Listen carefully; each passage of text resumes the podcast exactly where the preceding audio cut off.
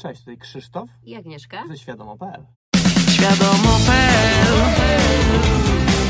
Świadomo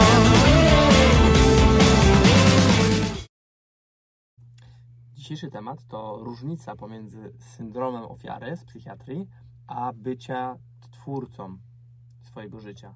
Mhm. No i wiadomo, że jakbyśmy zapytali y, każdego na ulicy, hej, chcesz być twórcą, twórcą swojego życia, czy chcesz być ofiarą losu? No to każdy powie, no to chcę tworzyć wspaniałe życie ze wspaniałymi rezultatami, chcę mieć dużo pieniędzy, szczęśliwy związek, być zdrowym. No i kolejne pytanie, to dlaczego nie jesteś? to oczywiście e, się teraz śmieję, ale prawda jest taka, że wszystko, czego doświadczamy w naszym życiu, to my to tworzymy zawartością swojego umysłu. Jeśli ktoś ma już taką świadomość, to później poprzez pracę nad tym, co się znajduje w tym umyśle, można uwolnić to, mm, co powoduje jakieś rezultaty, które niekoniecznie są tymi, które byśmy chcieli, które, które, mm, które są naszą intencją doświadczyć i tworzyć coś zupełnie innego. I też powiedzmy na początku o definicji syndromu ofiary. Syndrom ofiary, e, tak, tak, tak potocznie właśnie może bardziej mówiąc, niekoniecznie definicję, to, to znaczy, że my mamy wrażenie, że my jesteśmy ofiarami świata zewnętrznego, że on o tym, co doświadczamy, jak się czujemy, ile zarabiamy, gdzie, w jaki sposób zarabiamy e, i tak dalej, że to nam się przydarza. To jest charakterystyka syndromu ofiary w takich prostych słowach. I większość ludzi ma to do, do mm, nawet do stopnia takiego, że ludzie na przykład myślą, że w małżeństwie są ofiarami na przykład swojej, na przykład facet myśli, że jest ofiarą swojej żony, albo żona myśli, że jest ofiarą swojego męża. E, I to oczywiście większość ludzi się do tego nie przyzna, ale po rezultatach widać i po sposobie na przykład wypowiadania się o partnerze czy o partnerce, po sposobie zachowywania się, który może się przejawiać jako na przykład poświęcanie się w związku, że osoba na przykład jest jakaś albo nie robi tego, co normalnie by robiła, jakby była w cudzysłowie wolna, e, bo na przykład w związku nie wypada, albo druga osoba się obrazi, coś się nie będzie pasowało, no i już się poświęcamy, to też jest syndrom ofiary. My, Mhm. Dzisiaj miałam fajny przykład na sesji. Pozdrawiam, jeśli dziewczyna będzie e, słuchać. Oczywiście nie będę tutaj jakiś e, szczególnie podawać e, tych szczegółów. Natomiast był taki case, że była dziewczyna, która mm, zaczynała żyć wspólnie ze swoim partnerem. I bardzo się bała. Miała zablokowaną chyba panikę z tego, co kojarzę, taką emocję, bo mm, gdzieś tam w w rodzinie tego, tego partnera e, był taki wzorzec, że kobieta stoi przy garach, gotuje, tam e, codziennie inny obiadek, żeby była różnorodność, no bo gdzie dwa razy podać to samo. E, I generalnie, że kobieta musi stać przy tych garach i tam robić te obiadki. I teraz ja mówię, widzisz, zobacz, czyli ty nie chciałaś tego robić z miłości do tego partnera. No bo miłość, jakby, jak miłość podejmuje decyzję z troski, z życzliwości do drugiej osoby, to miłość się cieszy, że może ugotować obiadek, tak? Czyli osoba, która kieruje się miłością, idzie tam, ten, sobie pod nosem, idzie sobie ten obiadek gotować i się cieszy. Och, mogę zrobić coś dla swojego partnera. I nic nie oczekuje w zamian, czyli nie oczekuje, że ten partner pozmywa naczynia, albo że powie jej komplement, albo że powie, że ją kocha. Natomiast ta osoba e, chciała, to było też poświęcanie się tak naprawdę, bo ona wierzyła, że jak ona będzie gotować te obiadki, zmuszała się, bo w miłości nie ma takiego poczucia, że muszę to robić. A jak coś robimy z poświęcenia, to pojawia się, e, to pojawia się takie mm, takie poczucie muszę, ja muszę to robić. I to już wiemy wtedy, że to jest poświęcenie, czyli ty musisz coś robić, ty nie wybierasz robić, tylko ty musisz coś robić, bo chcesz coś wziąć z zewnątrz i zazwyczaj to jest miłość. I zazwyczaj też osoba wtedy podświadomie obwinia tą drugą osobę. Mm -hmm. Ja muszę się poświęcać, tak. bo ta osoba ode mnie tego oczekuje. Być może, być może oczekuje, ale to my się na to decydujemy, tak? Tak, czyli e, jakby E, stresowała się strasznie, że musi gotować obiadki, mimo że tego nie lubi. E, robiła to chyba na początku, ale mm, dlatego, że ona chciała wziąć miłość z zewnątrz, której nie miała od rodziców, jakby do tego doszliśmy. I to jest zawsze tak, że jak my coś robimy e, z poświęcenia, to chcemy wziąć z zewnątrz miłość, radość, szczęście, e, co tam jeszcze, e, uwagę, e, bycie docenionym, bierzemy, bierzemy to z zewnątrz i zawsze to prowadzi do tego, że mamy tam cierpienie, zmaganie, wyczerpujemy się, nie mamy siły, wypalamy się zawodowo, to też w pracy na przykład jest, że wypalamy się zawodowo, bo chcemy wziąć coś z zewnątrz i to jest zawsze robione z poczucia braku, a jak my coś robimy z poczucia braku, to co robimy? Zasilamy brak. Tak, i teraz jak, jak w jaki sposób powstaje e, ten syn, tak zwany syndrom ofiary? I pamiętajmy, że to jest e, coś, co dotyczy większości społeczeństwa. Mam na myśli prawie całe społeczeństwo. To chyba jakiś drobny procent ludzi, albo nawet ułamek procenta, całkowicie nie ma tego syndromu ofiary, czyli ma całkowite poczucie, że jest twórcą swojego życia, jest całkowicie odpowiedzialny, ale do tego przejdziemy za chwilę. Syndrom ofiary powstaje w taki sposób, że to trzeba na kilka, e, na kilka kwestii roz, rozbić, ale pierwsza kwestia jest taka, że w dzieciństwie jesteśmy programowani w taki sposób, oczywiście, że na zewnątrz, na przykład jak mama lub tata wykazują zachowanie, czy w słowach okazują to, że czują się w jakiś sposób, bo coś albo ktoś, to wtedy dziecko to odbiera właśnie w taki sposób, czyli mama albo tata się tak czuje, albo mama ma mało pieniędzy, albo tata jest zdenerwowany, bo na przykład w pracy ktoś, bo politycy, bo sąsiad, bo kraj, bo coś tam, czyli to już wskazuje na dziecko, że aha, czyli przyczyna tego, że mama nie ma pieniędzy jest na zewnątrz niej, czyli ona jest ofiarą tego, no i dziecko też potem tak to odbiera, skoro nie mam pieniędzy albo skoro się denerwuje, to znaczy, że ktoś albo coś na zewnątrz mi to robi. No i to jest tak naprawdę cały, taki, taki, całe takie ziarno cierpienia ludzkiego, że my myślimy, że naprawdę, większość ludzi naprawdę w to wierzy, co też widać po na, na przykład między innymi komentarzach na, na naszych mediach społecznościowych. E, oczywiście to jest niewielka ilość osób nam pisze takie komentarze, bo większość ludzi pisze pozytywne, ale są osoby, które pisze takie negatywne komentarze, które świadczą o tym, że osoba jest w tej e, roli ofiary. Czyli mamy takie poczucie, ten zły świat niesprawiedliwy, ci wstrętni ludzie, ten e, polityk. głupi polityk. Nie wiem, trudno mi znaleźć jakieś takie epitety, ale wiecie, każdy sobie na pewno jakiś, jakiś znajdzie mm, przykład ze swojego życia nawet, bo ja też tak miałam i Krzysiek też tak ma, nawet czasami z automatu też się coś tam odpali, tylko my to wyłapujemy i, i, i mówimy, że aha, to, to nie jest prawda, przecież ja nie jestem ofiarą świata zewnętrznego, ale dopóki my wierzymy w to, to niestety e, znika nasza cała moc sprawcza, całe poczucie właśnie tej, tej mocy, tej sprawczości, no bo skoro to świat Ci się przydarza, to ludzie są tacy wstrętni, no to no nie masz takiej mocy, żeby wpływać na ludzi, więc co zrobisz? Tak, i wynikiem, e, jednym z częstszych wyników syndromu ofiary jest frustracja. Ludzie chodzą sfrustrowani, bo myślą, że nic nie mogą z czymś zrobić, bo przyczyna jest na zewnątrz i to wywołuje frustrację, a frustracja, no to jak wiemy, to nie jest e, zbyt pozytywny stan, w którym można być. E, natomiast do tego warto dodać coś, co tutaj może trochę zahaczy o takie sprawy eteryczno, czy eteryczno-duchowe. Natomiast do, do, dodam to, bo to jest istotne, że to, co powiedział Jezus, to, co zasiejesz, to pozbierasz. Czyli jeżeli ktoś się rodzi, bo ktoś mógł zadać takie pytanie, no dobra, no ale jak ktoś rzeczywiście jest w takiej rodzinie, że jest tam, nie wiem, bity, poniewierany i jest przemoc różnego rodzaju i taka patologia, no to wtedy rzeczywiście jest ofiarą swoich rodziców. Można było na to tak popatrzeć z takiej z pewnej perspektywy, z węższej, z węższej można było tak zobaczyć. No, no to dziecko no jest takie, jakie jest, było tam w taki, taki sposób traktowane i teraz ma tak i tak. Ale nie jest tak, dlatego że mm, mm to musiało zostać zasiane wcześniej. I tutaj wiem, że mo możemy nacisnąć guzik niektórym osobom, że wchodzimy w jakieś tam reinkarnacje, ale Jezus o tym mówił, Buddha o tym mówił, Hawkins o tym mówił. Jest mnóstwo ludzi na tej planecie teraz, którzy pamiętają coś ze swojego poprzedniego życia. Jest tyle dowodów na to, że naprawdę można, można to wypierać, ale takie są fakty. Ja nawet oglądałam wczoraj e, wywiad, e, nie wywiad, tylko wykład Hawkinsa e, i on właśnie opowiadał o tym swoim doświadczeniu, kiedy obciął sobie tamtego kciuka, pojechał do szpitala i musiał mieć mm, operowany, amputowany ten kciuk do końca bez znieczulenia bo chorował na jakąś chorobę, gdzie nie, nie mógł wybrać żadnych środków znieczulających i on e, w tym, mm, w tym wykładzie opowiada, że jakby on e, dokładnie mu się przypomniało, e, jak miał tam tą amputację, dokładnie mu się przypomniało, co on kiedyś, kiedyś w cudzysłowie, uczynił innemu mężczyźnie. Czyli przepraszam, on tutaj e, mu uciął palca.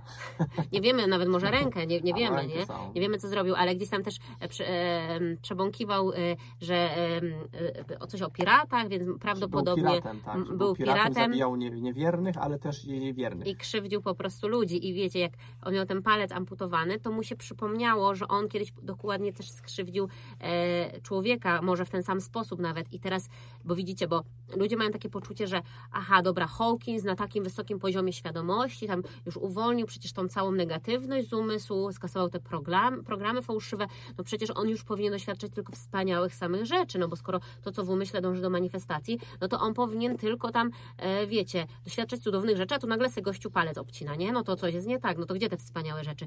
Ale właśnie e, zapominamy, mamy tą wąską perspektywę i większość ludzi myśli, że to życie to jest tylko to życie i koniec. I pamiętajmy też, że David Hawkins to opisuje dokładnie w Mm. książce, że on doświadczając tego e, ucięcia sobie kciuka, e, on jakby znając no, technikę uwalniania, którą sam opis, opisuje, on wszedł w to doświadczenie, nie uciekał od niego, nie, nie, nie krzyczał, nie walczył z tym, nie, nie piszczał, tylko on po prostu poddał się doświadczeniu tego, że obciął sobie kciuka. Po prostu doświadczył tego bólu, doświadczył tych emocji, które były z pewnością e, z nim e, wtedy. No i jakby rozsądnie wziął tego kciuka, pojechał do szpitala na to, i potem w szpitalu mu jeszcze, z tego co pisze w książce, bez znieczulenia, bo to już zbyt dużo chyba czasu minęło, bez znieczulenia On, był tego- chyba, on, był, on miał jakąś chorobę nie mógł brać po prostu Coś nic. tak, z jakiegoś powodu nie Mm. mogli mu dać znieczulenia i normalnie mu przyszli tego kciuka bez znieczulenia. On powiedział tak, Przyszli albo amputowali do końca. Mi się amputowali wydaje, do że amputowali do końca. E, natomiast, e, mm, przepraszam, że ci przerwałam, ale chcę jeszcze dokończyć jakby e, też myśl, a mm, nie ma sprawy. Odpuszczam, uwalniam. akceptuję. Akceptuję cię taką, jaką jesteś. Mm, e, Do czego zmierzam? Jakby, że widzicie, to nie jest tak, że mm, i teraz Hawkins by się mógł obrazić.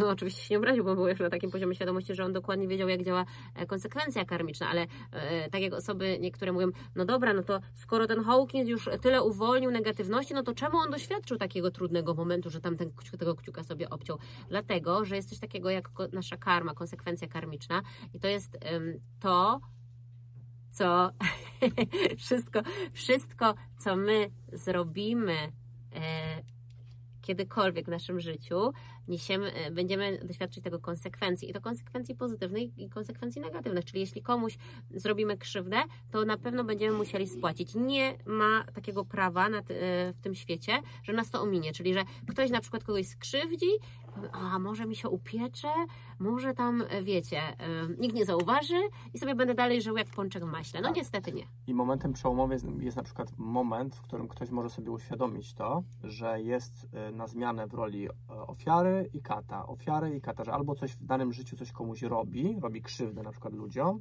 albo ludzie krzy, krzywdzą tą osobę. I wtedy jak osoba sobie to uświadomi, że ona jak, jak jest katem, no to wybiera to, żeby zadać cierpienie i to potem wraca do niej, a jak jest ofiarą, to wybiera na przykład nienawidzić kata i trzymać do niego urazę i Więc w tym też wypadku cierpienie. też generuje w sobie cierpienie, to w takim wypadku, jak osoba się naprawdę uświadomi sobie to, to wtedy podejmuje często decyzję, że odpuszcza i kończy się pewien cykl karmiczny, który był cierpieniem. E, oczywiście osoba może mieć więcej tego w sobie, ale coś się kończy, bo osoba odpuściła, wybaczyła, zaakceptowała, czyli co zrobiła? Wzięła odpowiedzialność, bo e, sam akt wybaczenia też polega na tym właśnie zrozumieniu często, że osoba sobie świadomie, ok, czyli jeżeli ktoś mi zadał cierpienie w jakiejkolwiek formie, to znaczy, że ja wcześniej też to zrobiłem i biorę odpowiedzialność za to, że ja to zrobiłem komuś, to wróciło do mnie, to jest moja odpowiedzialność, to nie jest moja wina, ale moja odpowiedzialność, biorę 100% odpowiedzialności za to i odpuszczam tej osobie i wybaczam sobie, że kiedyś też tak robiłem. I wtedy proces jest kompletny, osoba wybaczyła i jest o wiele, wiele kilo energii negatywnej lżejsza. Także bycie w syndromie w roli ofiary jest wszystko to, co odwołujemy się teraz tutaj do mapy poziomów świadomości Davida Hawkinsa, wszystko to, co jest poniżej 200. Czyli jeśli my się kierujemy na przykład e, jakimś e, wyzwaniu życiowym, energią na przykład nienawiści, urazy, żalu, złości, pragnienia, to niestety to jest syndrom ofiary, bo to wszystko wynika z tego, że my wierzymy, że to ten świat na zewnątrz nas nam to robi. nam to robi. teraz przechodząc do e, poczucia sprawczości, czyli bycia takim świadomym twórcą swojego życia, to warto jest na początku właśnie wszystkie te programy, takie, które mogą świadczyć o syndromie ofiary, namierzyć, zakwestionować, podważyć, sprawdzić, czy, one są, czy to jest uniwersalna prawda absolutna, czy to jest tylko moje myśli na jakiś temat, bo to jest zasadnicza różnica. I wtedy, jak wykonujemy tą pracę, to jest duchowa praca, bo do tego potrzeba nam miłości do siebie. Osoba, która ma jakby totalną blokadę na to, żeby chociaż trochę tej miłości do siebie wygenerować, raczej nie będzie tego robić. Raczej będzie się zajmować takimi sprawami przyziemnymi. Więc przechodząc, przechodząc z syndromu ofiary do, do poczucia sprawczości, kasujemy te wszystkie programy poprzez kwestionowanie ich. Wszystkie emocje, które się pojawią w trakcie, uwalniamy i wtedy poczujemy z powrotem, że dużo energii do nas wraca i jak już jesteśmy coraz bardziej w tym stanie pozytywnej energii, takiej autentycznej, niewymuszonej, autentycznej poprzez uwolnienie tej negatywności, to wtedy dopiero jak zaczynamy afirmować, wizualizować, pracować nad czymś, wtedy mamy całkowitą świadomość, że e, pojawił się pozytywny rezultat w naszym życiu, bo my go stworzyliśmy. I ta ogromna moc do nas wraca, pojawia się wdzię- więcej wdzięczności, radości i oczywiście też, e, no bo wyzwania mogą być kolejne, pojawia się taka gotowość, że dobra, ja sobie poradzę z tym już, już ze wszystkim sobie poradzę. Tak, i tym optymistycznym akcentem, że sobie ze wszystkim poradzisz, choćby nie wiadomo co, I to jest prawda, to kalibruje, jak sprawdzicie testem kinezjologicznym, to kalibruje jako prawda. wychodząc ze strefy, ze syndromu Ofiary, na, tak. na, począt, na początek, ze wszystkim sobie poradzisz i będzie tak naprawdę coraz łatwiej, no bo im więcej w nas odwagi, tym bardziej jesteśmy odważni. No to lepiej jest iść na przykład w dym z, z odwagą niż ze strachem. No dobra, no idę w ten dym, będzie co będzie tam, mnie odymi mi albo przypali trochę, ale wchodzę. Tak, bo wiecie, ludzie też mają takie poczucie, że jak mm, uwolnią. Strach jest taką emocją, gdzie, e, gdzie ludzie twierdzą, że muszą ją mieć, bo jak nie, to nie będą wiedzieli e, na przykład, że będą tam szli jak dziki przez ulicę i samochód ich rozjedzie. No, całkowita bzdura. Co ty jesteś, e, nie wiem, zwierzak, że nie wiesz, że jak jedzie samochód, to musisz się zatrzymać. To jest energia rozsądku i ty możesz skorzystać z energii rozsądku. Akurat Krzysiek miał wczoraj świetny przykład, jak skorzystał z energii rozsądku. Miał po prostu znamie gdzieś tutaj za uchem i może pokazać nawet, zaprezentuj. Miał znamie za uchem, takie, które nie, nie wyglądało jakoś tak e, super fajnie, gdzieś tam było niepokojące, ale e, nie pojawił się jakby w Krzysiu energia strachu, ojej, to teraz mi coś jest, może to raga, może to, a może to, tylko pojawiło się rozsądek, bo rozsądek mówi, jeśli coś jest, co e, jakby nie jest, nie wygląda normalnie, no to pójdę to zbadać, bo może coś tam się dzieje, nie? No i poszedł do, do lekarza i lekarz powiedział, że, że jemu to tam wygląda na, może ty opowiedz, bo ty byłaś u Tak, no, że wygląda to, na, wygląda to nieładnie, że jest podejrzenie, że to może być nawet jakiś czerniak.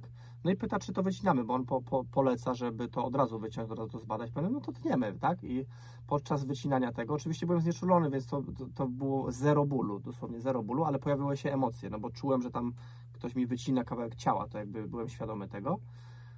I pojawiło, pojawił się strach, i wcześniej, jak kiedyś, powiedzmy, byłem młodszy i nie znałem jeszcze techniki uwalniania, no to wolałbym się rozpraszać, żeby tam pogadać o czymś, albo żeby o tym nie myśleć, uciec od tego, tłumić, walczyć z tym.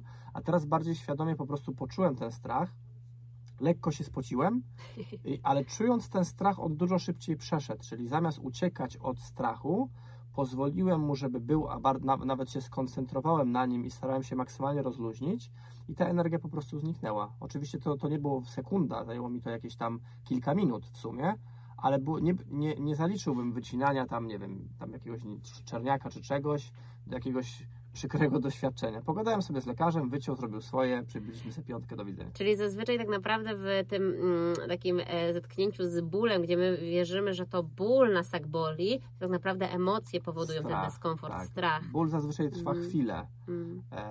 Jeżeli się utrzymuje długi czas, to znaczy, że tłumimy coś bardzo, Mhm. czegoś nie chcemy poczuć. E, Ból w porównaniu do strachu, no to jest naprawdę takie, mm, taki pikuś, Y, ale jak się, jak się nauczymy akceptować strach, to też to się okazuje pikuś. Tak, także nie musicie się martwić, uwalniając e, negatywne e, emocje, które trzymają nas w syndromie ofiary, zastępujemy je pozytywnymi Które same się pojawiają. uczuciami mocy, akceptacja, rozsądek, miłość, radość, pokój. I po raz drugi tym optymistycznym akcentem kończymy ten odcinek. Bardzo serdecznie dziękujemy za wysłuchanie. I słyszymy się za tydzień. Krzysztof I Agnieszka. ze Świadomo.pl